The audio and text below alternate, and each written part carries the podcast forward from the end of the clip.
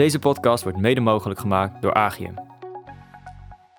Vandaag gaan we in gesprek met Monique Bush, de CFO van Covas. En met haar gaan we praten over waardecreatie. Mijn naam is Maaike van Asperen en dit is Today's CFO Changing the Game.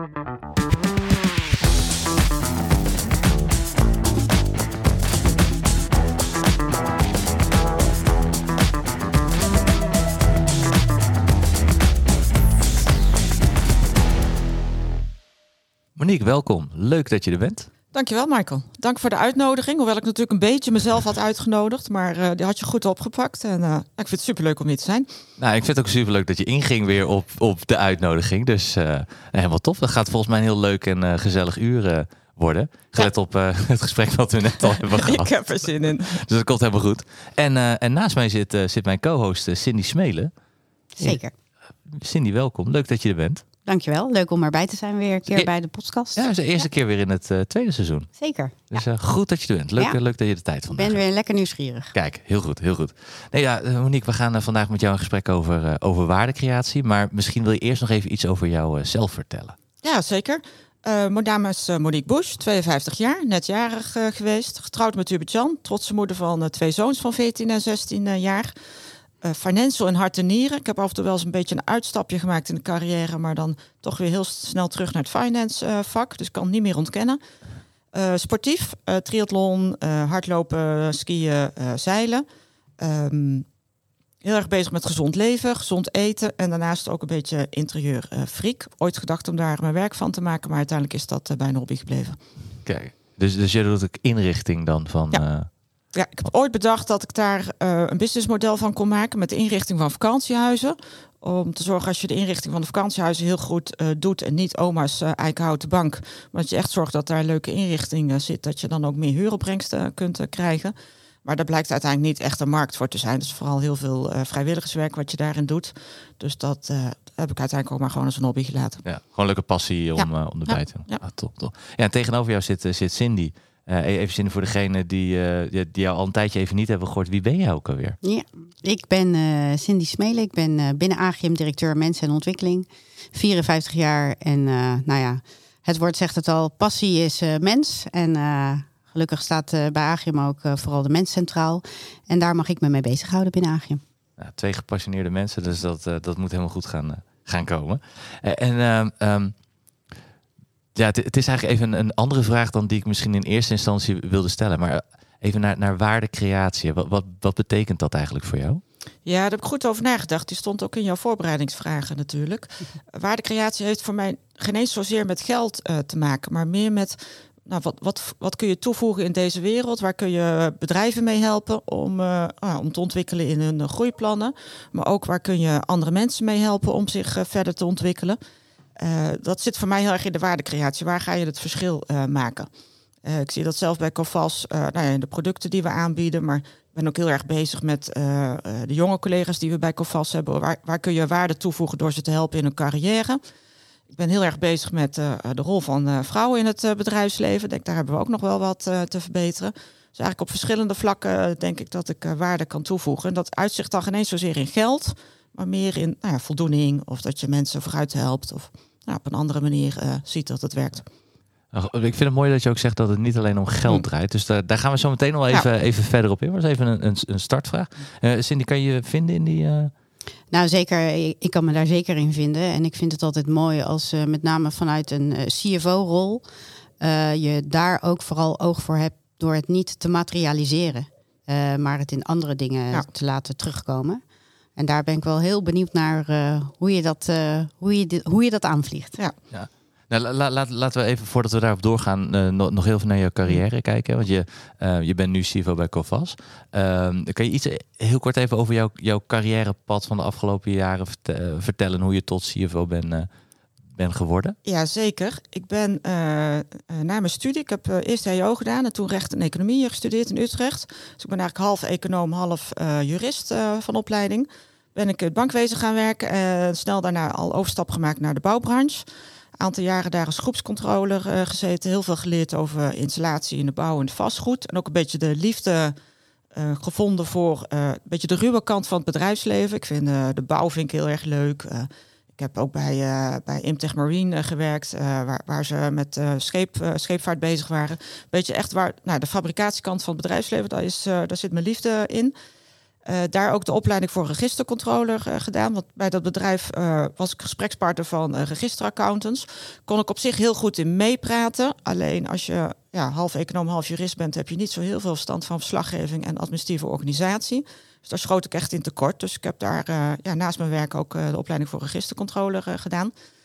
Toen ik van zwangerschapsverlof terugkwam van mijn tweede zoon, werd ik daar ontslagen.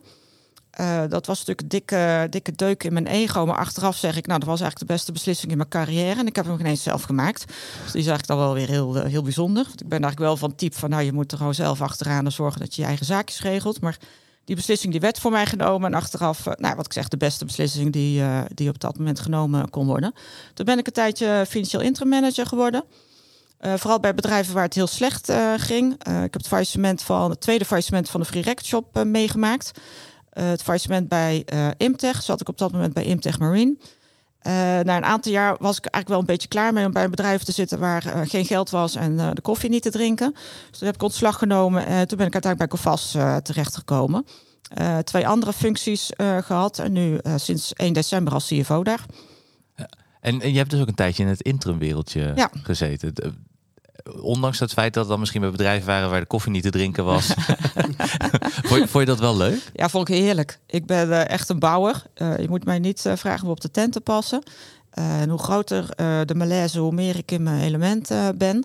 Ik ben echt wel, nou ja, echt wel degene die ervan houdt dingen op te ruimen, dingen opnieuw op te zetten. zorgen dat er toch geld is voor dingen die, die moeten gebeuren. Dus ja, nou, hoe groter de uitdaging, hoe leuker het is. En dat past natuurlijk ook heel erg bij, uh, bij het interimwerk. Want zodra er maar weer wat meer stabiliteit komt, ben je eigenlijk gewoon niet meer nodig. Dan moeten ze het weer zelf uh, gaan doen. En dan ga je eigenlijk weer op door uh, naar de volgende klus. Ja, als je, als je het hebt over waardecreatie, dat is eigenlijk de waarde die je als interimer dan toevoegt. Het feit dat je iets doet wat binnen de organisatie misschien niet erin zit. Uh, en moet je dat dan als je toegevoegde waarde zien? Ja, ja, zo kun je dat zien. Ik denk dat je als interimmer ook een hele mooie blik van buiten kunt, uh, kunt geven. Dus, ik zie dat nu zelf ook wel bij Covas. Ik zit daar nu bijna zes jaar. En dan merk je toch dat je een beetje onderdeel wordt van, van het systeem. als je als interimmer ergens binnenkomt, blijf je toch een beetje op de tribune zitten en zit je naar het voetbalspel te kijken. Terwijl als je echt ergens gaat werken, ja, dan ben je, sta je natuurlijk gewoon op het veld, doe je mee. Uh, dan moet je er erg voor oppassen dat je je helikopterview uh, niet kwijtraakt. Dus als interimmer kun je ook wel heel mooi ook gewoon prikken in de organisatie. Van nou, waar, waar, waar gaat het nou mis en hoe kunnen we dat nou anders doen? En je hebt natuurlijk heel veel ervaring bij andere bedrijven en andere bedrijfstakken. Dus ja, je brengt ook echt wel, uh, ja, je brengt echt wel wat mee. Ja. En, en nou, nou, nou, nou, zei net dat je de, de, de wereld, ik noem het even de wereld van de mannen met, uh, met, uh, met uh, helmen. Ja. weet je, die, die bouw, die bouw dat, vind je erg mooi. En dan, ja. dan komt Covast langs, wat ja. een, een kredietverzekeraar is, mm -hmm. zoals, zoals ik het dan ken. Maar daar ga je zo meteen vast nog iets over, over toelichten. Dat lijkt me dan niet in dezelfde wereld te zitten. Ja, dat lijkt misschien op het eerste gezicht. Maar wij, wij zeggen eigenlijk binnen COFAS dat alles wat je in het Financieel Dagblad leest, dat gaat bij ons door de boeken. Uh, wij, uh, wij zijn een kredietverzekeraar, wij verzekeren leverancierskrediet. Uh, betekent dat we heel veel contact hebben met onze klanten, die nou ja, leveren aan hun klanten en daar limieten voor aanvragen. Betekent ook dat we eigenlijk het hele bedrijfsleven heel goed moeten kennen. daar zijn we zes jaar geleden, toen ik bij COFAS kwam, ook mee begonnen. Waar we voorheen eigenlijk meer op de achtergrond zaten en te wachten tot de cijfers bij de Kamer van Koophandel uh, binnenkwamen, hebben we gezegd van nou nee, dat willen we niet. We willen gewoon vooraan uh, zitten. Uh, we willen gewoon aan tafel zitten bij de, bij de CFO, bij de finance manager, horen wat er in het bedrijf gebeurt. zien wat er op de parkeerplaats aan de hand is. We hebben echt wel voorbeelden van bedrijven waar we vroeger naar amper op de parkeerplaats konden omdat het zo druk was. En aan het einde nou, bijna naast de voordeur konden parkeren, omdat uh, de rest van de mensen al wegbezuinigd uh, was. Dus je krijgt dan een veel beter beeld van wat er bij het bedrijf uh, gebeurt. En dan kom je bij allerlei soorten bedrijven. Wij zitten echt ja, midden in het bedrijfsleven. en dan, ja, dan zit je dus ook inderdaad aan, nou ja, aan die ruwe kant van het bedrijfsleven. Daar, en daar, daar ga ik wel het allerliefst naartoe. En dan het liefst ook nog met rondleiding door de fabriekshal als dat lukt. Daar, daar gaat mijn hart wel sneller voor kloppen. Ja. ja. Ja, dus eigenlijk kom je nu bij veel meer van dat soort ja, bedrijven Ja, binnen, we komen eigenlijk. overal. We zitten overal aan tafel. Um, Covas is, uh, nou ja, ik denk eigenlijk de kredietverzekeringsmarkt aan zich is van oudsher een beetje een bescheiden markt. Een beetje op de achtergrond aan het uh, opereren. Terwijl uh, in mijn beleving we juist midden in, de, in, de, in het bedrijfsleven staan. En iedere beslissing die we nemen heeft gewoon effect op wat bedrijven in een handelsrelatie met elkaar kunnen doen. En dan moeten wij veel meer van de daken schreeuwen.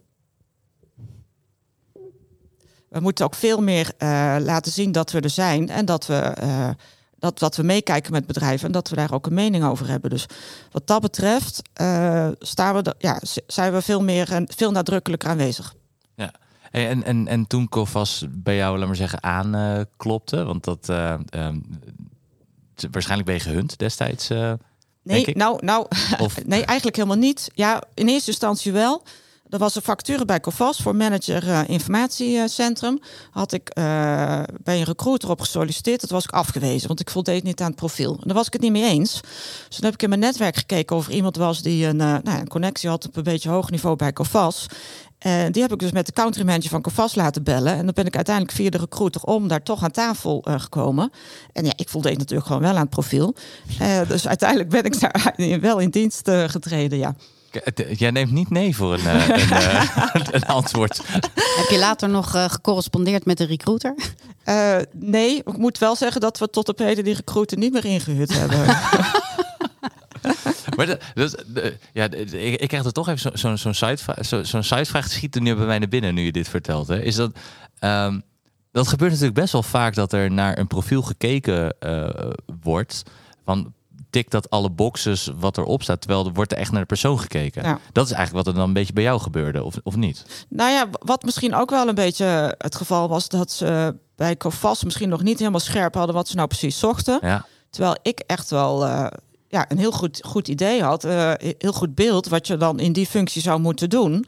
En ik had daar dan echt wel een plan voor ontwikkeld. En dat was misschien niet per se het plan wat Covas al op voorhand had, maar wel een plan wat ze uiteindelijk heel erg aansprak. Dus ja, het is een beetje push-and-pull eh, strategie ja. wat dat betreft. En ja, je moet ook een beetje laten zien wat je te bieden hebt. En misschien zeggen ze dan wel, nou, dat hebben we dan liever dan het profiel wat we in eerste instantie ja. zelf opgesteld hadden. Ja, en die recruiter heeft niet heel goed doorgevraagd binnen de organisatie wat dan eigenlijk nodig was. Dat, uh, dat laat ik aan de recruiter over. Het is ook een gevalletje waardecreatie in de rol, hè? Dat, ja? uh, hier. Vertel. Nou ja, ik bedoel, een plan hebben op het moment voorafgaand dat je solliciteert op een rol en daar een plan voor hebben, dat komt ook niet zo vaak voor. Dus ja, daar kan je al spreken van een, waar, een gevalletje waardecreatie eigenlijk al voorafgaand aan het feit mm. dat je binnen bent. Dus ja. dat is wel dat mooi. Dat is, wel, dat, is, ja, dat is een goed punt. Dat is goed. Maar het, ik moet zeggen, het past ook wel bij je karakter, moet ik, moet ik zeggen. Ja, denk je? Ja, volgens mij wel. Volgens mij. Wat, toen toen, toen, toen uh, was je binnen en ja? uh, je, je, vertel, je vertelde in het begin ook dat je um, uh, ook een uitstapje hebt gemaakt. Volgens mij was dat het, het uitstapje binnen, binnen Covas. Ja. wat je maakte naar, um, was het Manager Enhanced Information Center? Ja, dat was de functie waar ik oh, mee, functie, ja? mee binnenkwam. Oh ja, directeur Operations, dat was het. Ja, ja. en nou dat, ja, dat durf ik nou bijna niet meer te vertellen. Er was eigenlijk helemaal geen vacature die daarvoor voor was. Maar ik, ik zat anderhalf jaar binnen Covas. En ik dacht van nou, ik wil hier eigenlijk wel blijven, maar wat wil ik dan gaan doen? Dus toen had ik wederom een plan gemaakt.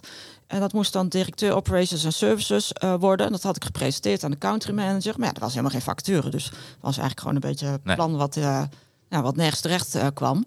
Maar dat heb ik wel volgehouden. En uiteindelijk kregen mensen daar toch wel idee bij. En ja, na een paar maanden was ik uiteindelijk directeur Operations and Services. En waar, waarom was die functie nodig in jouw, in jouw, in jouw, in jouw gedachten? Ja, wij, wij als COFAS zijn we van oudsher een kredietverzekeraar. Uh, we verzekeren leverancierskrediet. Maar wij verzamelen voor, om dat werk goed te kunnen doen, verzamelen heel veel informatie. Wij kunnen daar niet kunnen daar geen genoeg nemen met de standaardinformatie die je overal kunt kopen. Ik denk dat we dik 700 miljard aan leverancierskrediet verzekeren all over the world. Dus daar moeten we echt hele goede informatie voor hebben. Want uh, de, ja, de premies zijn eigenlijk heel erg laag als je een kredietverzekering afsluit. Maar de risico's zijn voor ons natuurlijk echt wel heel erg groot. En vanuit de strategie vanuit COVAS was besloten om die informatie niet heel erg verborgen te houden, maar ook gewoon juist als een apart product in de markt te gaan zetten. Dus eigenlijk het goud wat we als kredietverzekeraar hadden, Daarvan zeggen we van nou, dat kun je ook zonder verzekering, kun je dat ook bij ons afnemen. Er zijn natuurlijk heel veel bedrijven die wel heel, heel hele goede informatie willen hebben, maar helemaal niet het nodig vinden om daar een verzekering voor af te sluiten. Uh, die strategie die was er en ik dacht van nou, dat wil ik eigenlijk wel doen. Want in de tijd dat ik aan de andere kant van de tafel als finance manager of financieel directeur zat, had ik deze informatie wel willen hebben. Dus daar, daar heb ik mijn hand voor opgestoken en daar zijn we mee aan de slag gegaan. Dus, dus eigenlijk, eigenlijk, jij ging op zoek naar. nee, jij zag iets wat, wat het bedrijf nodig had. En daarin liet je eigenlijk jezelf, je eigen waarde ook weer, weer, weer zien. En dat het voor het bedrijf ook beter was om dit te doen. Dat het echt een, een toegevoegde waarde uh, bood. Nou, het past ook heel goed bij mijn missie uh, waarom ik bij Covas zat. Want een kredietverzekering is een relatief onbekend product. Uh, is misschien ook omdat het een verzekering heet. Heel veel verzekeringen die sluit je af en dan stop je de polis in de kluis. Ja. Hoop je dat je hem nooit nodig hebt. Als je een kredietverzekering afsluit, moet je hem eigenlijk plastificeren en op de hoek van je bureau leggen. Want je bent de hele dag gewoon in de geest van, uh, van de verzekering aan het handelen. Je hebt ook heel veel contact met, ja, met de verzekeraar. Heel anders dan wanneer je een opstalverzekering of een brandverzekering afsluit. Nou, daar heb je eigenlijk heel weinig contact met de verzekeraar totdat het echt misgaat.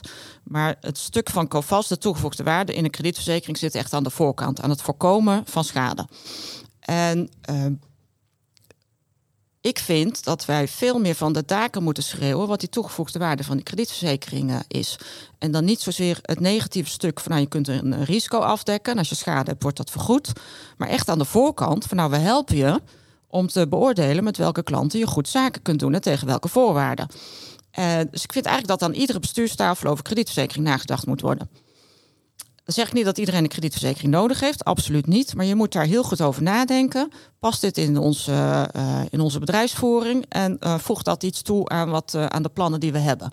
En als je nou begint met die informatie, dan ben je eigenlijk veel toegankelijker voor alle partijen om te laten zien welke toegevoegde waarde je kunt bieden. En ik denk ook op het moment dat partijen met onze informatie aan de slag gaan en dus heel goed zien van nou, wat is nou eigenlijk het risico wat in mijn debiteurenportefeuille zit, ja, dan heb je een heel ander gesprek over verzekering. Want dan kunnen ze heel goed die afweging maken van nou, welke, uh, welke, welk risico lopen we? En past dat bij de risicoacceptatie uh, die wij binnen ons eigen bedrijf kennen? Of zeggen we dat willen we afdekken en dan, nou, dan komt kredietverzekering uh, in beeld. Ja. En, en in hoeverre speelde um, ook de transformatie die het bedrijf uh, onderging. Want kredietverzekering is, is één van de, van de dingen die je doen. Mm. Maar jullie zijn ook gespecialiseerd in, in uh, uh, ja, data. Iedereen is met data bezig. Maar, ja. maar eh, in, in het verschaffen van bedrijfsinformatie, als ik dat, dat goed zeg. Da daar, in nou, hoeverre heb jij daar dan ook een rol nou, in? dat deden we natuurlijk al. Die informatie hadden we eigenlijk al. Maar daar, ja, die hielden we, hielden we heel goed verborgen. Omdat we dachten van nou, dat, dat is onze unieke, onze unieke kwaliteit. Uh, de stap die we gezet hebben, is dat we gezegd hebben: van, nou, dat is ons goud. En dat willen we ook gewoon delen met andere partijen in de markt. Want als het goed is om 700 miljard risico uh, te beheersen, en dat is het, want nou, we doen het hartstikke goed als verzekeraar, dan is het voor heel veel andere bedrijven ook hele goede informatie. Dus het is niet dat we zijn gaan specialiseren. Het is meer dat we de zaken die we voorheen eigenlijk alleen intern gebruikten, dat we die ook nu apart uh, in de markt aanbieden. Ja. Hetzelfde doen we met onze incasso-diensten. we hebben vanuit de verzekering een eigen incassobedrijf. We kunnen all over the world kunnen wij uh, nou ja, vorderingen incasseren. Dat deden we uh, in het verleden alleen voor onze verzekerde vorderingen. En tegenwoordig doen we dat ook gewoon voor andere klanten. Dus eigenlijk de, de, de, eigenlijk de pareltjes die je, die je hebt, die, ga je, die zijn aan ja, voor commercialiseren is misschien dan niet helemaal het, het mooie woord, maar die zijn, daar zijn er wel nieuwe businessmodellen mee ja. aan het, aan ja, het klopt. opzetten. Ja. En, en, en jouw rol daar, daarin, was jij dan, dan uh, driver of uh, hoe moet je dat dan zien? Ja, ik ben echt wel een karttrekker. Ik zie overal altijd wel een leuk plan in. ik hou er ook heel erg van om nieuwe dingen te ontdekken. Dus ik ben daar wel, ja, ik heb daar wel in de, vooraan gestaan om daarmee aan de slag te gaan. Ja. Ook om, nou ja, wat ik zeg, past heel erg in mijn missie om alle bedrijven over kredietverzekering na te laten denken. En om alle bedrijven gewoon te helpen met uh, het ontwikkelen van een eigen bedrijf. En het, uh, het laten groeien. Als je, nou, heel simpel voorbeeld, uh, stel je wilt gaan exporte exporteren naar een land wat je niet kent. nou, dan dat is al ingewikkeld genoeg. Wat voor product ga je daar precies aanbieden? Via welke kanalen? Hoe werkt dat dan precies? Ja, dan moet je eigenlijk ook nog een oordeel vormen over de klanten waar je dan zaken mee gaat doen. Ja, dat hoef je niet zelf te doen. Dat kun je gewoon aan, aan een kredietverzekeraar overlaten. Want die kent al die partijen in, in dat land al. Want die heeft gewoon heel veel klanten die ook zaken doen met die partijen. Dus ja, waarom zou je daar zelf heel veel tijd en moeite in steken? Waarom zou je je gewoon niet laten ontzorgen? Ja, dat is een goede oproep voor mensen. Ja, bij deze. Toch? en en, en hoe, hoe lang ben je nou, heb je op die plek gezeten van directeur operations? Uh, bijna twee jaar. En, en, toen dacht je, ik wil nu CFO worden? Nee, dat dacht, oh. ik, dat, nee, dat dacht ik dan weer niet. Dat is eigenlijk de enige stap binnen Covas die ik niet zelf bedacht heb. Oké. Uh, wij uh, we groeien knetterhard binnen Covas. zo hard dat het echt piept en kraakt in de organisatie.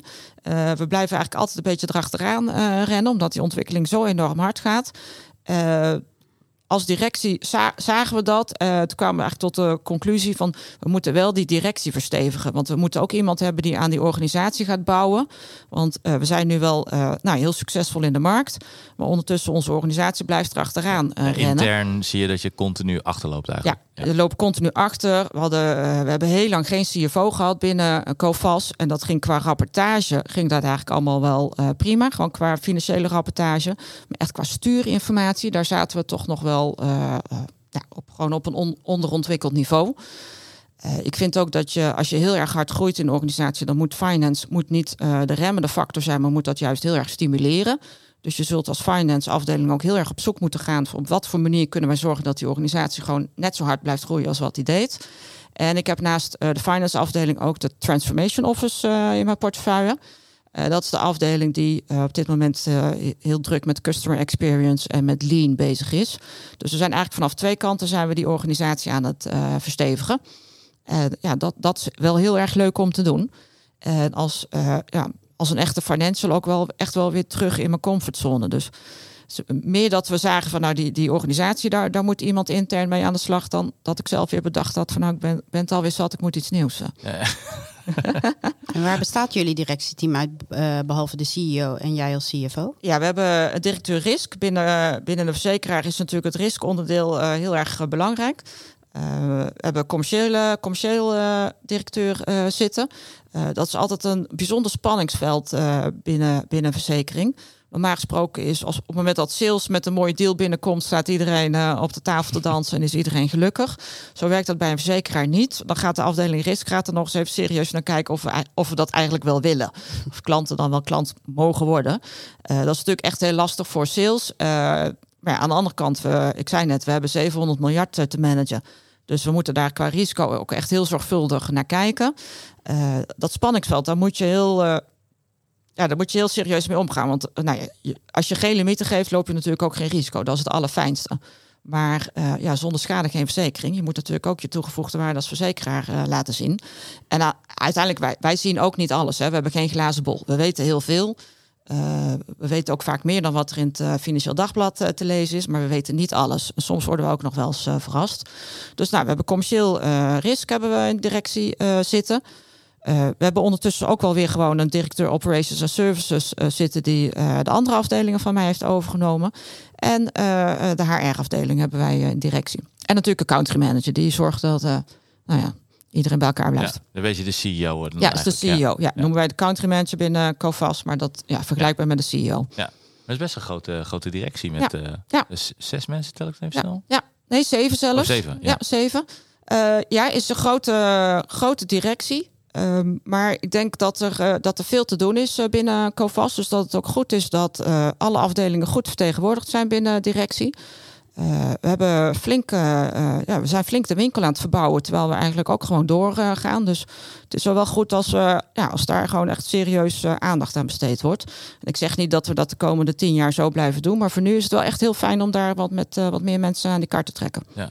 En uh, jij zat, net, zat je al wel in die directie toen je directeur operations was? Ja, ja, ja, dat was wel onderdeel van mijn plan. Dat ik dan onderdeel van directie zou worden. Ja, zo, ja, ja. want hoe was dat dan? Dan krijg je ineens een, een andere positie als CFO zijnde. Mm -hmm. uh, dan heb je toch weer een iets andere uh, profiel en, en, en, en niet andere. Je hebt nog steeds hetzelfde profiel, maar je kijkt natuurlijk met een andere blik. Uh, waarschijnlijk in, de, in die directie er, ernaar dan vanuit directeur operations. Mm -hmm. merk, merk je dat er dan een, een uh, verschil in, in dynamiek, uh, verander, een dynamiekverandering eigenlijk is in die boord? Of dat ze denken, oh, heb je weer zo'n CFO? We hebben al zo'n riskoffer die gaat ons zitten vertellen. Heb je haar ook nog? Heb je haar ook nog eens? Zijn ze met z'n tweeën? Nou, iedereen was wel gewend dat ik me overal mee bemoeide. Uh, dat deed ik als directeur Operations Services dus eigenlijk meer op eigen titel dan dat ik daar vanuit mijn functie echt ja. uh, bevoegd toe was. Uh, als CFO mag je natuurlijk gewoon overal mee bemoeien, dus dat is wel heel fijn. Um, daar, kijkt niet, daar kijken mensen eigenlijk niet meer zo raar van op. Waar ik wel veel nadrukkelijker op zit, is ook gewoon op een beheersing van de kosten. Ehm, ik vind gewoon wel dat we ook uh, nou ja, uh, onze kosten in controle moeten houden. En zeker als een organisatie heel hard groeit, voor je het weet lopen die kosten ook gewoon helemaal uit de pas. Dus um, ik ben wel nou regelmatig degene die zegt, ja jongens, maar uh, moeten we daar nou echt geld aan uitgeven? Is dat echt nodig? Of kan het misschien ook een tandje minder? Ja, ja. Zullen ze leuk vinden, zo'n vraag?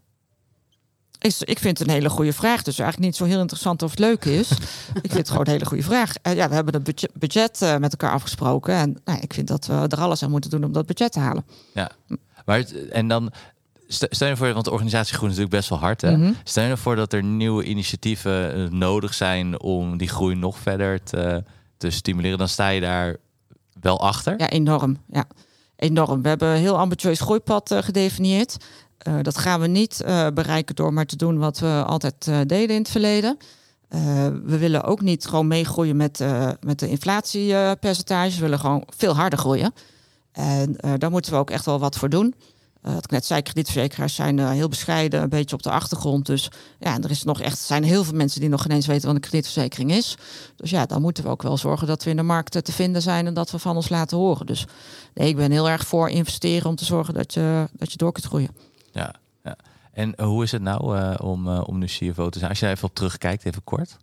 Ja, ik vind het heerlijk. Wat ik zeg, het is echt terug in mijn comfortzone. Ik, ik, ik doe hele leuke dingen. wat ik heel erg leuk vind als CFO is dat je... Nou, we hebben Covas in Nederland. We zijn met ruim 100 mensen. Maar we zijn ook onderdeel van een heel groot concern. Covas is van origine Frans, beursgenoteerd. Ik denk ruim 4500 medewerkers wereldwijd.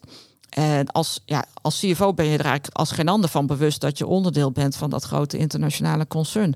Terwijl op het moment dat je weer naar Breda rijdt, dan, ja, dan stap je eigenlijk weer gewoon in je MKB-onderneming. Ja, en is dat een redelijk vrije relatie die, die, uh, die jullie hebben met, met Frank? Want je hoort nog wel eens Franse bedrijven zitten er erg strak op. En voor het weet zit een heel Frans bestuur. Uh, stereotyperend, hè? Dat is altijd, altijd oh, ja, dat is lekker stereotyperend. ja, we hebben natuurlijk best onze uitdagingen in de, in de cultuurverschillen. Wij Nederlanders uh, vinden altijd dat we moeten vertellen wat we, wat we ervan vinden. zo werkt dat in de Franse cultuur niet altijd. Iemand heeft wel eens tegen mij gezegd: van, ja, ja, maar dan, dan vragen de Fransen of je nog verbeterpunten hebt. En dan denken de Nederlanders dat die Fransen verbeterpunten willen horen. Ja, zo zijn wij. Dat doen we natuurlijk ook goed bedoeld. Dus daar probeer ik wel heel goed in uh, uh, te manoeuvreren. Uh, en ja, op zich heb je ook gewoon regels nodig als je met 4500 man bent in 100 landen actief. Kijk, als je dan uiteindelijk gewoon de cijfers wil consolideren, is het wel fijn als iedereen dat een beetje op dezelfde manier registreert. En uh, ja, je moet gewoon doen wat je, wat je afspreekt. En je moet laten zien dat je, nou, dat je dat op een hele verstandige manier doet. En dan heb je voldoende vrijheid. Maar ja, ja weet je, uh, regels is niks mis mee. Nee, nee, nee. Nou, misschien is het voor jou ja. wel een beetje een herkenbare situatie. Gelet Zeker. op de directie. En ja. niet Franse, Belgische moeder. Nou, Belgisch, ja, Bel Belgisch, Belgisch uh, gedeeltelijk Amerikaans ook. Dus ja, het is heel herkenbaar wat je zegt, inderdaad. Om gewoon uh, vanuit de, uh, een directierol uh, van een MKB-bedrijf. om naar boven te kijken, letterlijk. En daar ook je weg in te vinden. Ja. om de goede dingen met elkaar te blijven doen. Hè, dat is vooral belangrijk. Ja. Dus zeker herkenbaar. Wat me ook nog wel even intrigeert, Monique, is. is ik vind het echt fantastisch om te zien hoe je, je jouw rol als CFO invult. Hè? Een soort van bijna niet des CFO's, zeg ik dan maar eventjes heel stiekem. Uh, en waar ik nieuwsgierig naar ben, is hoe verhoudt zich dat met jouw CEO? Hoe, hoe werken jullie daarin samen? Want ik, ik hoor jou ook allerlei dingen zeggen waarvan ik dan denk... Michael en ik hebben een tijd geleden vanuit uh, de VRC... de nieuwe rol van de CFO samen oh ja. uh, belicht. En ik, ik kan me nog heel goed herinneren dat een van die nieuwe taken van de CFO van de toekomst was... co-pilot zijn. Nou, ik, ik ik zie jou niet echt als co-pilot, zeg maar. Dus oh, zo voel ik me wel. Uh, zo voel ik me wel. Uh, CEO heeft natuurlijk ook al een tijdje aan mij kunnen wennen voordat ik CFO uh, werd. Dus die wist heel goed waar hij aan begon. Uh, wij werken enorm goed samen. Waar ik heel erg gefocust ben op die interne organisatie en zorgen dat alles goed staat. zodat we nou, dat onze processen efficiënt verlopen. Dat we heel hard kunnen groeien zonder dat we continu nieuwe medewerkers moeten aannemen. Uh, is hij heel erg uh, gericht op de buitenkant, op de sales, op het uh, vertegenwoordigen van Covas, zowel hier in de markt als nou ja, in, in, in, binnen de Covas-organisatie. Dus nee, dat gaat eigenlijk heel erg goed. Mooi. Ja, en waar, waar hij ongelooflijk veel kennis heeft van het kredietverzekeringsvak, heb ik dat veel minder. Ik weet ondertussen echt wel hoe een polis eruit ziet. Maar nou, ik, we kunnen echt discussies op kantoor hebben over voorwaarden in polissen. Nou, daar, dan haak ik echt wel af, ook al ben ik een halve jurist. Ja, daar heeft hij ongelooflijk veel verstand van. Dus hij is veel meer in, in, de, in de diepte van het product en hoe je dat in de markt neerzet. En ik ben veel meer van het interne stuk. Ja, wat, wat ik wel uh, grappig vind als je het hebt over, over jouw persoonlijke waardecreatie voor de organisatie. Uh, zitten we volgens mij ook in het feit dat je heel erg sterk bent in hetgene wat je doet vanuit het, het finance vakgebied. Maar toch ook heel erg um, laat, ik zeggen, uitdagend ben naar de rest in alles wat we doen. Is dat dan, is het nodig? Is het zinvol? Is het niet zozeer om het af te fikken, maar nee. meer om mensen na te laten denken. Ja. Dat, je, dat je steeds vanuit een breed plaatje eigenlijk zit te kijken naar waar zijn we nu mee bezig? Is Ja. het goed of niet? Ja. En wat hebben we nodig? Ja, ja en, en da- daar, daar komt ook een beetje ons ambitieuze groeiplan eh, vandaan. Ehm, ik zeg, we, hebben een heel mooi getal voor onszelf eh, in gedachten. En ik zeg niet dat we dat getal gaan halen. Maar het is juist bedoeld om eh, mensen te laten nadenken hoe we op een andere manier kunnen werken. Hoe we succesvoller kunnen zijn dan wat we de afgelopen jaren deden. En ja, ik denk ook dat we daar nou, als organisatie heel veel beter van worden. Maar dat het ook voor heel veel mensen gewoon echt heel uitdagend is om, nou, om zichzelf te blijven ontwikkelen. Om te kijken waar je, waar je beter kunt. En welke uitdaging zie je voor jezelf eh, daarin op de korte termijn? Nou ja, de- eh, die interne organisatie is echt wel een, eh, een flinke uitdaging. Qua managementrapportage hebben we ook nog wel echt een flinke klus te doen. Ja, net eigenlijk als bij iedere verzekeraar zijn onze IT-systemen nou niet top of de bill. Dus we moeten daar nog echt wel flinke slag in maken hoe we verschillende systemen met elkaar kunnen combineren. Ondertussen zijn we ook wel met een nieuw ERP-systeem bezig. Dat doen we dan vanuit het hoofdkantoor. Dus ja, eh, er liggen nog voldoende uitdagingen. En eh, toen ik in eh, december begon, dacht ik dat ik hele grote stappen kon zetten.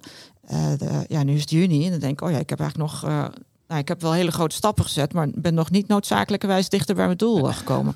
Er was toch nog wel wat meer te doen dan ik in eerste instantie dacht. Maar ja, soms heb je ook helemaal niet door wat voor stappen je maakt tot je op een gegeven moment op het punt ben- bent en dan kijk je terug en denk je, oh, is eigenlijk toch wel veel gebeurd. Nou, die discussie hadden we van de week eh, toevallig. Oh. Eh, ja, als je eh, is het glas half leeg of is het glas half vol? Ja. En het is ook een beetje alsof je een berg op gaat. En die top is natuurlijk gewoon heel ver weg. En af en toe moet je even achterom kijken om te kijken wel- welke afstand je al afgelegd Ja. hebt. En, eh, die top is inderdaad nog steeds ver weg. Maar die afstand die we afgelegd hebben is al best wel, eh, best wel goed. Daar zijn we al best wel tevreden over. En ja, we moeten nog heel veel doen. Maar heel veel dingen zijn echt al wel eh, prima. Ja, en wat, wat volgens mij ook best wel lastig is in, in dat soort verander eh, trajecten of, of, of verbetertrajecten of, of, of noem het maar als je van A naar B toe, toe gaat, is dat je wil zelf natuurlijk altijd harder, want Ja. je weet waar je naartoe wil. Ja. En het meekrijgen van de, van de mensen blijft altijd, niet zozeer dat ze niet mee willen, maar het, het, het 9 van de 10 gaat altijd natuurlijk iets langzamer dan dat je zelf zou Ja, willen. ja, ja, vreselijk. ja, ik, eh, dat, dat is wel mijn valkuil. Ik, nou, ik heb natuurlijk een hele duidelijke missie. Eh, ik zie het ook heel duidelijk voor me. Ik zie echt heel duidelijk waar we naartoe moeten. Alleen ja, niet iedereen in de organisatie ziet dat in hetzelfde tempo met mij natuurlijk. Dus ik, eh, ik word wel regelmatig, en, en nou daar is onze CEO dan ook wel een hele goede eh sparringpartner in. Wel heel regelmatig even teruggetrokken van hey, let op, eh, de rest, je gaat eigenlijk te snel voor de rest. De rest kan jou niet meer volgen, ze willen heel graag mee. Maar je moet wel even goed vertellen wat je van plan bent. En Ja. er is ook natuurlijk verschillende soorten mensen die we in organisatie hebben. Ehm, ik, ben, eh, ik ben zelf eh, ja, een beetje van Pipi Langkous. Van, nou, we gaan gewoon op weg en ondertussen zien we wel wat we tegenkomen. En dan lossen we dat wel op. Maar er zijn, ja, we hebben natuurlijk heel veel risico eh, mensen binnen, binnen, in het huis. Die willen natuurlijk liever aan de voorkant gewoon een hele goede risicoanalyse maken. Wat je tegen zou kunnen komen. Ja.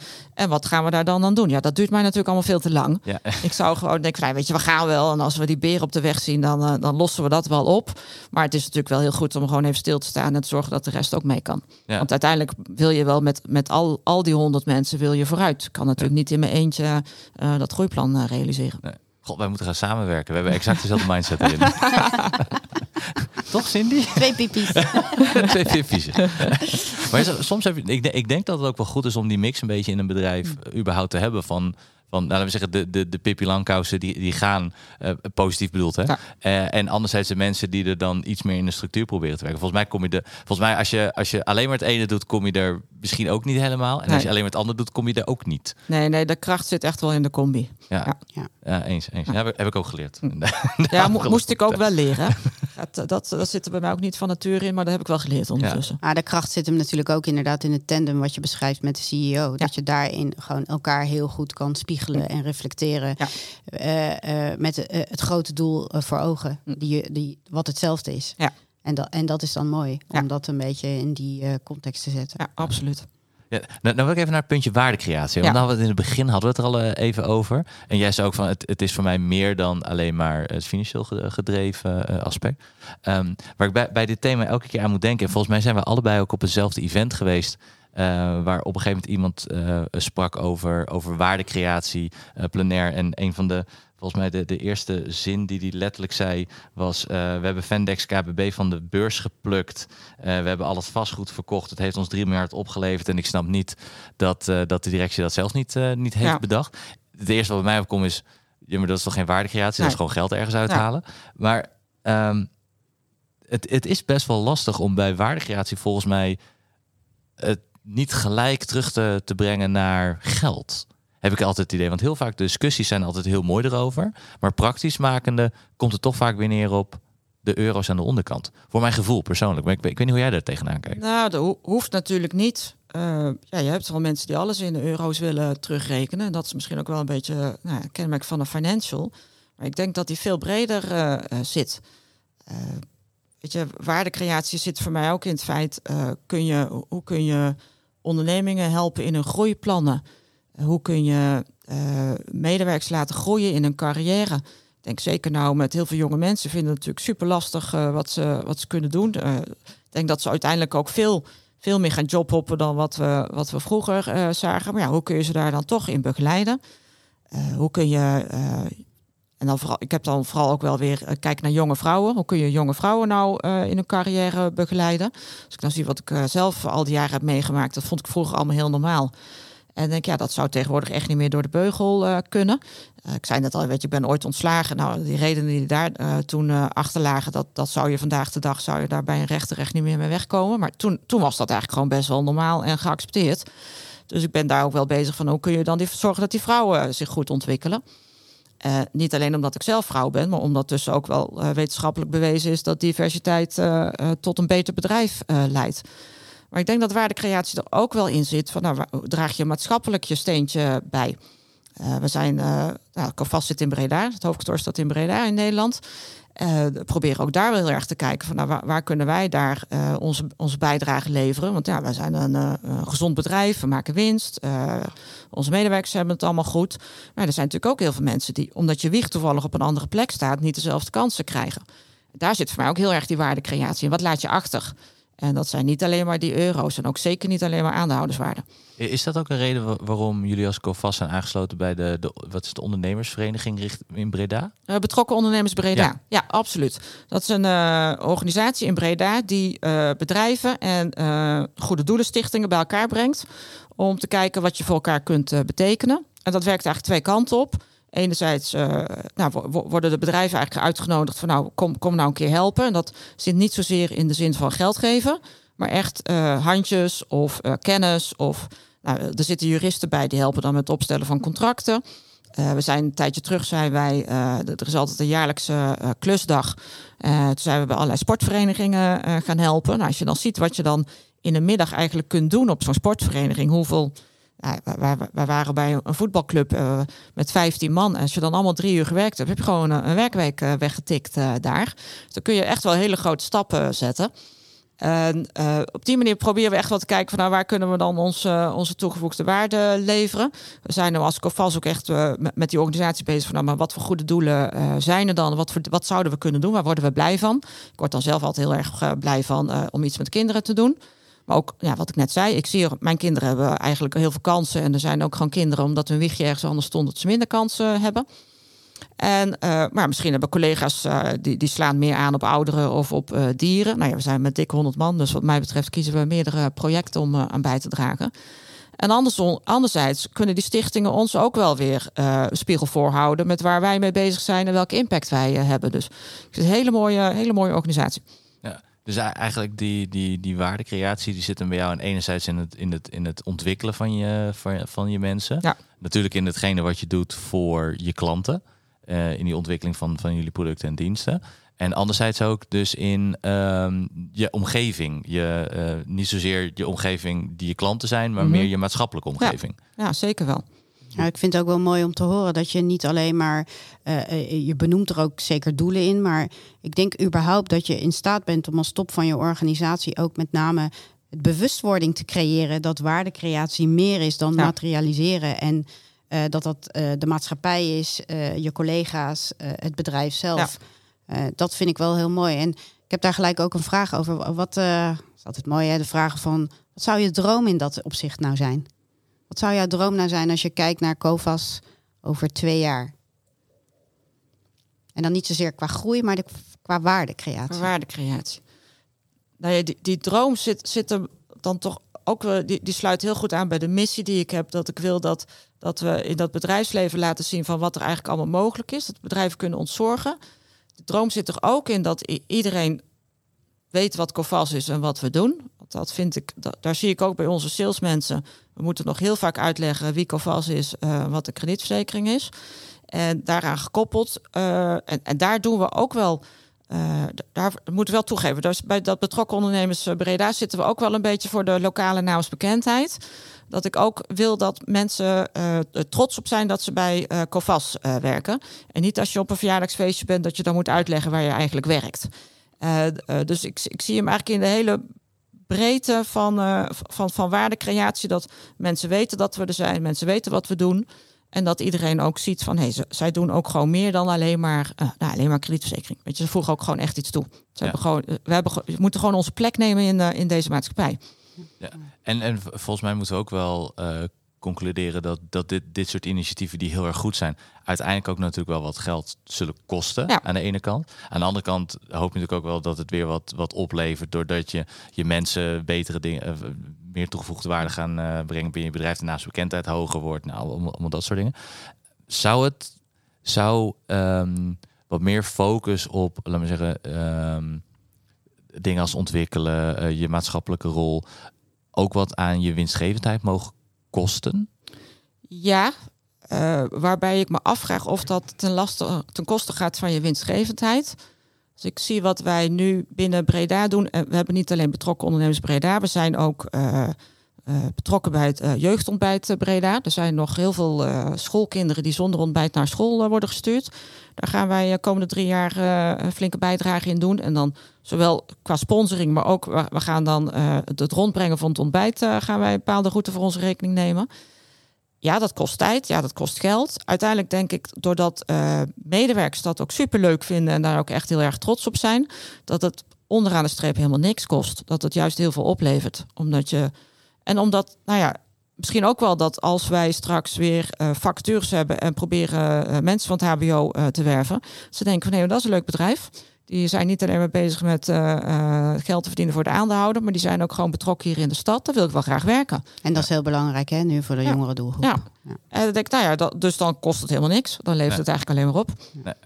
Nee, maar je, je focus qua stakeholders verandert wel. Waar vroeger natuurlijk altijd je je aandeelhouders ja. de belangrijkste stakeholder was. Kijk je nu naar, naar, naar, naar veel meer een balans in verschillende stakeholders. Ja, maar dat, dat is natuurlijk ook wel de ontwikkeling in de maatschappij. We hebben natuurlijk ook allerlei duurzaamheidsrapportages waar we mee aan de slag uh, gaan.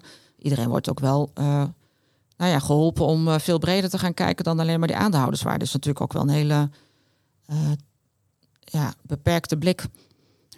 Ja, en, en ik, ik vind het mooi, jouw persoonlijke de drive daarin, die merk je ook echt heel erg. Dat je, dat je, je vindt het ook belangrijk om, om, om dingen voor, um, voor anderen te, te doen. Um, hoe, nou, jouw enthousiasme, in hoeverre, rub, ja, ik weet even de Nederlandse woord niet, maar rub dat af op, op, jou, op, jou, op jouw finance team? Hoe zie je dat terugkomen? Ja, dat slaat uiteindelijk natuurlijk gewoon over. Je kunt het natuurlijk heel moeilijk om uh, met mij te werken en dan uh, mijn enthousiasme te negeren. Dat is natuurlijk Als echt ik het eerste lastige. gedeelte van die zin pak, dan heb ik een hele leuke zin. Het is heel moeilijk om met mij te werken. Zal ik niet doen. Nee, nee maar uh, ja, ik, ik probeer daar ook iedereen in te enthousiasmeren. En wat ik ook net zei, weet je, we hebben, er is echt veel werk aan de winkel. Uh, dan kunnen we heel erg zagrijnig gaan doen over wat er allemaal nog niet geregeld is. We kunnen ook echt heel blij zijn over hetgeen wat wel geregeld is en daar enthousiast mee aan de slag gaan. Het moet uiteindelijk ook natuurlijk gewoon leuk zijn. Je zit meer met je collega's bij elkaar dan dat je met je partner en kinderen uh, zit. Dus laten we dan zorgen dat we het ook gewoon heel erg naar ons zin hebben. Ja. Maar je ziet het wel, je ziet dus wel echt, echt laten we zeggen, de, de beleving van jouw finance organisatie bijvoorbeeld ook echt wel, echt wel tot leven komen. Ja, nou, nou vind ik dat wel bij iedere afdeling waar, waar ik bij Covas bij gewerkt heb, dat dat het middelpunt is van het verzekeringsbedrijf. Maar bij finance vind ik dat ook echt heel erg. Uh, ook finance uh, heeft een beetje de neiging om aan de zijkant te blijven uh, staan van wat er gebeurt binnen het bedrijf. Terwijl ik denk, nee, we moeten gewoon er middenin gaan staan. We moeten zorgen dat we de linking pin zijn naar alle afdelingen. Dat we kunnen laten zien wat er gebeurt. Dat we goede rapportages kunnen maken. Dat we toegevoegde waarde leveren. Dat we met oplossingen aankomen hoe dingen efficiënter kunnen. Dus we mogen als finance eventueel mag je echt je plek innemen binnen het bedrijf. Hoeft niet aan de zijkant te blijven staan. Dat is helemaal nergens voor nodig. Iedereen doet mee. Het is niet alleen maar uh, commercie of risk wat, uh, wat zijn, uh, zijn rol speelt. We hebben iedereen nodig. Dus nou, eis die rol dan ook maar gewoon op. Ja, ja. En, en als, als, of, wil je een vraag stellen? Nee, okay. nee. nee. ik, ik kan het alleen maar uh, heel enthousiast uh, beamen. Ja, kijk, dat is heel goed. Nee, um, als we even naar je financiële afdeling kijken. Want je zegt het ontwikkelen van mensen is ook heel erg, uh, vind, vind, je, vind je enorm belangrijk. Ja. Um, welke stap heb je nu genomen um, om die ontwikkeling in de financiële afdeling te krijgen? Wat heb je daar al kunnen doen? Ja, waar we nu binnen de financiële afdeling mee bezig zijn, is om iedereen ook op de plek te zetten waar hij heel blij van wordt. Uh, het finance team is niet zo vreselijk groot. Dus er zijn altijd wel werkzaamheden die, ja, die iemand moet oppakken, terwijl hij dat eigenlijk niet zo super leuk vindt. Maar we, zijn, we proberen echt die taken te verdelen, zodat iedereen echt doet waar hij happy uh, van wordt. Ik zit natuurlijk nu nog niet zo heel lang op finance, maar met andere afdelingen was ik ook wel heel erg bezig met wat, nou, wat willen mensen nu? Willen mensen nou ook gewoon doorgroeien binnen, binnen, binnen COVAS? Vroeger was dat niet zo heel vanzelfsprekend dat je ging doorgroeien binnen COVAS. Wel van, van uh, junior naar, naar senior of van account officer naar account manager. Maar daar zijn we de afgelopen jaren ook wel echt een ontwikkeling in gegaan. Ik denk dat we misschien vorig jaar wel uh, 40, 40 mensen op een andere plek hebben uh, gezet. En niet alleen mensen die doorstromen, maar ook mensen die nieuw binnenkomen. Soms hebben we vacature en dan uiteindelijk uh, zijn er drie mensen die opschuiven en komt er uh, een nieuw iemand bij. Dus dan zijn we vier mensen aan het inwerken. Dat trekt natuurlijk ook wel wissel op de organisatie. Dus enerzijds vinden we dat heel leuk, want je krijgt natuurlijk gewoon qua ervaring hele rijke mensen. Het is natuurlijk heel goed als mensen van alle afdelingen verstand hebben en dan als je bijvoorbeeld op commercie zit, is het heel goed om te weten wat er uiteindelijk uh, bij finance gebeurt met, een, met, met de facturen. Als dat aan de voorkant niet goed inregelt, dan is het aan de achterkant slecht geregeld. Uh, dus daar, da, daar sta ik heel erg achter. En ik vind het ook heel leuk als mensen eigenlijk crisscross door de organisatie uh, gaan met hun carrière. En ja, ik heb ook wel collega's gehad, en daar herkende ik mezelf dan weer heel erg in. Die had een PowerPoint-presentatie gemaakt. En had eigenlijk een plan gemaakt wat hij gewoon heel graag zou willen doen binnen Covas. En een van zijn doelen was dus dat hij, zei: Ik wil dat klanten klant zijn bij Covas, omdat ze zo enthousiast zijn over ons claimproces. En het claimproces is eigenlijk de schadeafhandeling. Dus dat zijn natuurlijk niet. Van klanten zijn dat hele vervelende dingen. Want ja, die heeft geleverd, krijgt niet betaald, heeft schade, moet dat bij ons uh, claimen. Wij gaan proberen dat geld alsnog te incasseren, anders dekken we, dekken we dat vanuit de verzekering. En ik vond dat echt super gaaf dat iemand dacht van nou, ik wil eigenlijk helemaal niet dat ze klant bij ons zijn vanwege de, de premie of vanwege de limieten of nou, noem maar op. Maar dat ze gewoon klant bij ons zijn omdat wij de schade zo fijn afwikkelen. En ja, dan ben je echt wel gewoon met de klant bezig. Dan ben je echt aan het nadenken van hoe maak ik het hele proces voor de klant zo, uh, uh, zo fijn mogelijk. En uh, nou, dan, dan ben je ook echt met toegevoegde waarde voor die klant bezig. Want ja, hoe vervelend is het als een van je klanten failliet gaat en dat je heel die afwikkeling moet doen.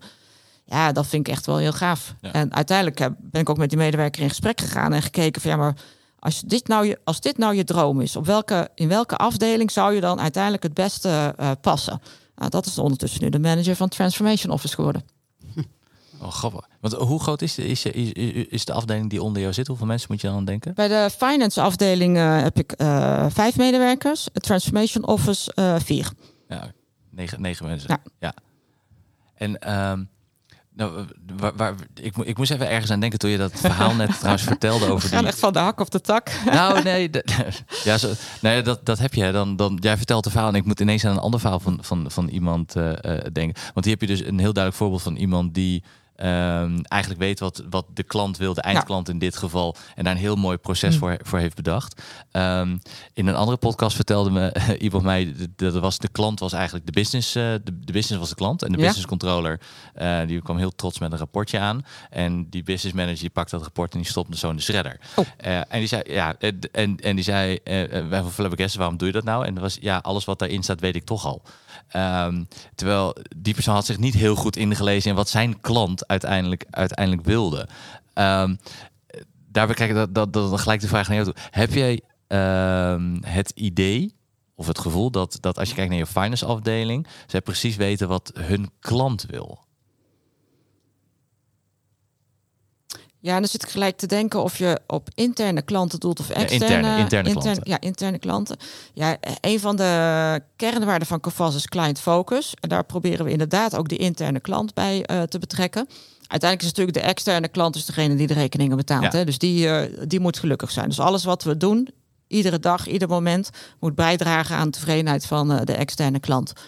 Maar vanuit finance zijn we wel inderdaad eh, heel erg bezig om die business op te zoeken. En daar geloof ik ook in. Je kunt volgens mij geen finance afdeling runnen als je je niet verdiept in wat er in de business eh, speelt. Want cijfers aan zich zeggen helemaal niks.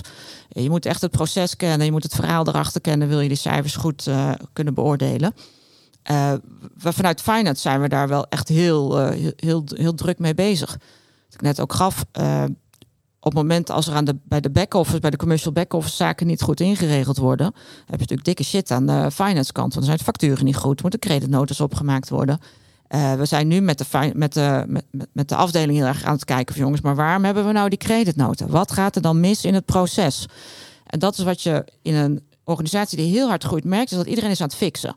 Er gaat iets fout, dat lossen we op en dan gaan we heel snel weer verder. Terwijl eigenlijk moet je even stilstaan, even kijken van jongens, maar waarom gaat dat nou fout? En, want als het nou vandaag fout gaat en we fixen het, dan gaat het morgen misschien opnieuw fout. En daar kun je als finance echt een hele mooie spiegel voor houden van jongens, maar dit gaat echt heel vaak fout. Hier moeten we echt in het proces zorgen dat we dat beter oplossen, Ja. zodat het gewoon niet meer fout gaat.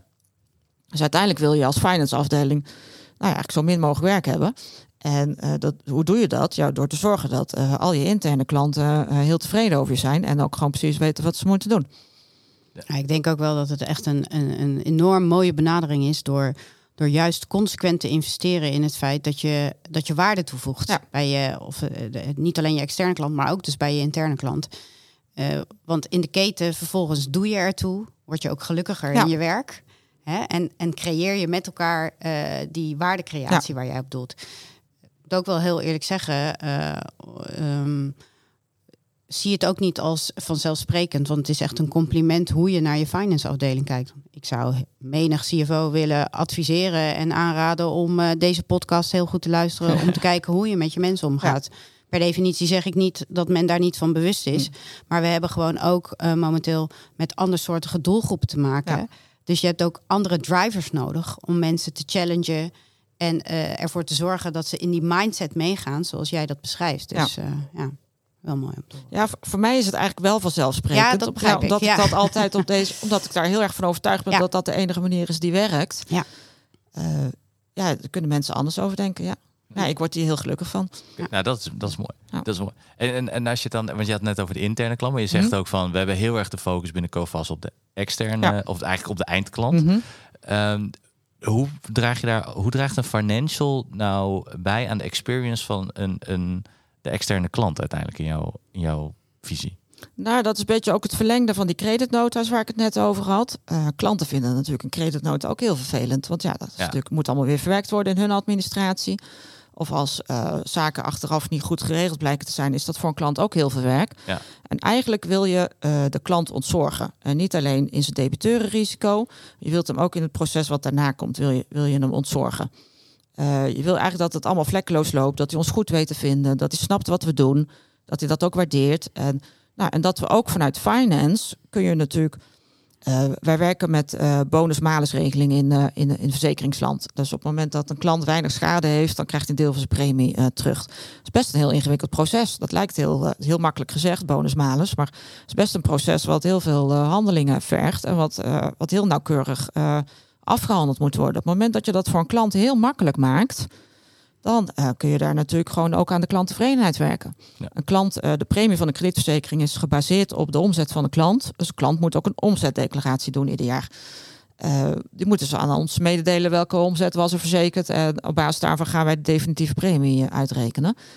Uh, dat is ook best een proces wat, wat, ja, wat voor verbetering vatbaar is. Hoe ontzorg je de klant daarin? Kunnen we dat misschien op een um, kunnen we dat misschien zelf al voor een heel groot stuk doen? En als we dan toch informatie van de klant nodig hebben, hoe doen we dat dan op een zo makkelijk mogelijke manier?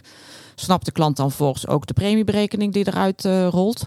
Ja, daar, uh, daar kunnen we nog echt wel stappen in zetten. We zitten we voornamelijk in het proceskant dan van, van de beleving van de klant, waar finance de toegevoegde waarde heeft? Ik denk het wel, ja daar zit ook wel heel erg mijn focus uh, met, met, met de twee afdelingen die ik heb, om te zorgen dat al die processen gestroomlijnd lopen. Uh, ik denk als je kleine MKB-bedrijven waar je bij wijze van 10, 12 man bij elkaar zit, heb je geen proces nodig, want dan weet iedereen wel wat hij moet doen. Als je knetterhard groeit en heel veel nieuwe mensen binnenhaalt en heel veel mensen ook van, een, van de een naar de andere functie laat switchen, dan moet je gewoon wel zorgen dat die processen goed zijn. Want je moet niet die klanten mee belasten dat, dat wij nieuwe mensen aan het inwerken zijn. Dus dan moet je zorgen dat processen goed zijn, dat ze duidelijk zijn, goed vastgelegd. En nou, dat dat eigenlijk gewoon heel lekker uh, en heel soepel loopt. Ja. En als je. Oh. Nee. Ja, zeg maar. um, ben ook nieuwsgierig even de, de link die jij hebt met uh, jouw uh, HR-directielid. Wat, wat, doet, wat betekent HR voor jou? Ja, onwijs belangrijk. Ik denk zeker dat je, waar je als, uh, waar ik heel erg bezig ben om de processen te stroomlijnen, vragen we van de HR-directeur dat hij zorgt dat we de goede mensen op, uh, op de plek uh, hebben zitten en dat die mensen zich ook gewoon blijven ontwikkelen. Er is geen opleiding voor kredietverzekering, dus iedereen die we binnenhalen moeten we eigenlijk zelf het vak leren. Er zijn ook niet zo heel veel kredietverzekeraars in Nederland, dus het is ook niet dat je, dat je heel makkelijk mensen bij, bij de concurrent weg kunt halen. Dus we leiden mensen eigenlijk continu zelf op. Dus ja, aan een HR-directeur wel uh, de taak om te zorgen dat we die mensen uh, binnenhalen. En enerzijds halen we mensen binnen die, uh, nou, die van een financiële opleiding afkomen. Nou, die, kunnen, die, die snappen een product kredietverzekering heel makkelijk. We hebben ook mensen die van de hotelschool afkomen. Die zijn echt weer heel erg client focused. Dus die, die moeten dan op het, op het financiële vlak nog wel wat bijleren. Maar die voelen veel beter aan waar, waar je de klant gelukkig mee maakt. En op die manier hebben we heel divers personeelsbestand. Mensen komen overal vandaan. En nou ja, dat is voor HR natuurlijk best uitdagend. Want ja, als je, als je weet van nou, ik moet ze van die en die opleiding afhalen, dan zorg je dat je daar bij de voordeur staat. Maar uh, ja, we, we, kunnen ze eigenlijk overal vandaan halen. Ook wel luxe. Ja, dan. nou ja, ja, ja we, we, kunnen, ja, ja. Maar het is natuurlijk best een uitdaging op dit ja. moment. Uh, ja. Nee, dat geloof ik wel. Dat geloof ik wel. Hey, ik heb nog even twee laatste vragen ja? voor je. Eén um, is, waar ben je nou eigenlijk het meest trots op als je terugkijkt op jouw... Laten we even de periode bij, bij Covas uh, uh, pakken. Waar ben je nou het meest trots op? Oh, die stond niet in de voorbereiding. Nee, dat weet ik. ja, ik ben ongelooflijk trots op dat wij de, die organisatie aan het uh, uh, omvormen zijn naar, naar een organisatie die gewoon past bij ons ambitieplan. Ik ben ongelooflijk trots op dat we uh, veel breder kijken dan alleen maar die kredietverzekering. Dat we echt uh, veel meer uh, maatwerk kunnen geven aan klanten. Dus ik zeg van nou, dat deel van je debiteurenportefeuille, dat risico, dat kun je zelf dragen. Dus daar kun je met onze informatie aan de slag. En daar vind je het risico te hoog. Dus daar heb je onze verzekering nodig. We zijn eigenlijk de enige kredietverzekeraar die dat kunnen. Zo'n hybride oplossing. Ik onwijs trots op. En wat ik echt heel stoer vind, is dat we als Covast stap hebben genomen om die informatie ook gewoon in de markt aan te bieden. Want nou ja, je kunt ook denken van nou dat is, dat is het, het geheim van Covas. En daar moet ik op blijven zitten, mag eigenlijk niemand weten. En, ik vind het echt heel stoer dat wij zeggen van nou dat, geven, dat stellen we gewoon beschikbaar aan de markt. Ja, dus. Eigenlijk, eigenlijk de transformatie ja. die, die, die, uh, die je hebt doorgaan de afgelopen tijd, dat is wel ja, ja, ja. waar je trots op bent. Ja, vind ik echt heel leuk. En ik, toen ik bij Covas ging werken, kwam voor een jaar. En uh, toen na een jaar heb ik het contract verlengd voor, voor uh, nog een jaar. Toen zei ik al tegen de country maar ik ga niet het hele jaar blijven. Hou er rekening mee dat ik ergens halverwege dit jaar wegga. Ja, en nou zit ik hier zes jaar en ik heb, ben echt nog niet van plan om op te stappen. Dus ik zie nog echt heel veel mogelijkheden. En nou, dat ja, vind ik voor mezelf heel belangrijk. Want ik zit, zit toch een beetje dat, die onrust van een interim, maar zit toch wel in me. Dus je moet dan toch steeds voldoende uitdagingen hebben om je tanden in te kunnen zetten. En uh, nou, die zie ik nog wel bij Covas. Dat is goed om te horen. Nou. Dan uh, ga ik denk naar de laatste vraag. Ja. nu al. ja, de, de, tijd vliegt wel voorbij. Ja. Maar uh, je, je, je, dat is wel, wel grappig trouwens. Want je zegt net dat je eigenlijk binnen twee jaar zou je daar wel weg zijn. Je zit er nou zes jaar. Je ziet je voorlopig nog niet weggaan. Mm -hmm. Maar als je nou even naar de toekomst kijkt, hè, waar, waar sta jij dan over vijf jaar? Ja, vijf jaar vind ik dan wel weer heel ver weg. Als dat toch weer een beetje inderdaad dat interim bloed ik weet niet of ik over vijf jaar nog inderdaad bij Covas zo hard aan die kar aan trekken ben. Ik hoop wel dat tegen die tijd die organisatie natuurlijk gewoon goed staat en dat we nou, klaar zijn om door te groeien naar de volgende fase. Dan wordt het voor mij misschien wel tijd om inderdaad wat verder te gaan kijken. ik ben ondertussen ook wel wat andere dingen binnen of buiten Covas ook aan het, aan doen. Uh, hier net de voorbereiding had natuurlijk over uh, mijn podcast. Ik ben ook met een podcast begonnen. Is natuurlijk niet zo populair als deze. maar ik ben ook net begonnen. Hoe heet die? Uh, Best Friends with Finance. Best Friends with Finance. Ja, doe ik samen met, met een vriendinnetje, Antonia Eilander. We kennen elkaar uit, ja, uit een interim opdracht van vroeger. daar proberen we allerlei finance onderwerpen heel luchtig en heel makkelijk toegankelijk te brengen. daar hebben we enorm veel lol in. En het is helemaal geen verdienmodel, maar gewoon nou ja, omdat we passie. het heel erg passie. Ja. Uh, uh, ik merk dat uh, we zitten heel veel in vrouwelijke ondernemersclubjes. En da daar zien we ook heel veel vrouwen met passie aan een bedrijf werken. Maar vergeten ze eigenlijk het finance stuk. Want dat vinden ze lastig, vinden ze vervelend, is een moedje. Terwijl ik denk, ja, zorg nou dat finance voor je werkt. Want dan groei je veel harder dan wanneer je het als een, als een verplichting ziet. Dus eigenlijk wel weer een beetje het verlengde wat ik ook bij Covas natuurlijk aan het doen ben.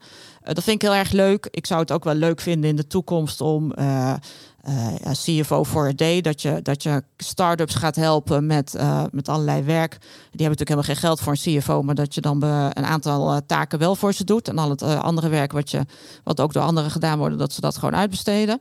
Daar zou ik me wel heel erg in kunnen vinden.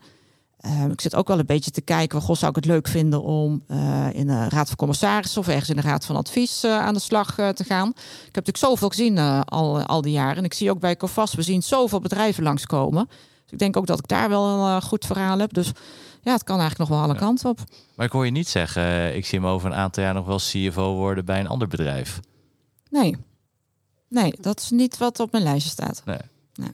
Maar ja, misschien creëer je het wel. Hè? Dat ja, misschien, misschien loop ik weer ergens tegenaan. Dan maak ik weer een plan en denk ja. van, nou, dit wordt het. Wat dat betreft zit ik ook niet heel, heel vast in mijn carrièrepad. Ik wilde vroeger, toen ik klein was, burgemeester worden. Dat is ook niet gelukt. Uh, maar dat was eigenlijk omdat ik... Ik ging toen naar een open dag voor uh, studie politicologie. En nou, dan viel ik bijna in slaap. Dus dacht, nou, misschien is burgemeester toch minder leuk dan ik, uh, dan ik dacht.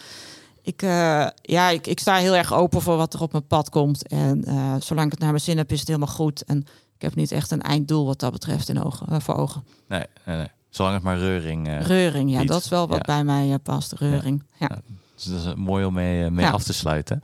Uh, ik, ja, ik wil je hartelijk danken voor, voor het openhartige en, en hele leuk en gezellige gesprek wat we hebben gehad. Dankjewel. Geno genoeg gelachen. Ja, ik vond het ook echt heel leuk om te doen. Kijk, dat uh, was goed. En Cindy ook. Uh, ja, dank. enorm inspirerend. Uh, dank hiervoor. ik, ik, niet alleen ook op het vlak van diversiteit en inclusie met, met de waardecreatie die je daarmee doet. Maar ja, je bent gewoon een heel inspirerend persoon. dus dank voor, daarvoor. Nou, leuk om te horen. Ja. ja, wat dat betreft, jij, jij gaat op de positieve manier in ieder geval dwars door muren heen. Positief. Dus uh, ik, ik, ik, vind, ik vind het mooi om, uh, om, ja. uh, om terug te horen. Ik denk, ja, ik, ik denk dat je een helft job hebt gedaan daar bij Covas. En nou, je bent nog niet klaar. Nee. Maar nee, ik wens je daar nog heel veel plezier in. En dat gaat volgens mij wel, wel goed komen. Dankjewel. En nou ja, dankjewel voor allebei. En tot een volgende keer. Ja, jij ook bedankt. Vond je dit nou een leuk gesprek en wil je meer verhalen horen van CFO's? Volg ons dan op ons Agium kanaal.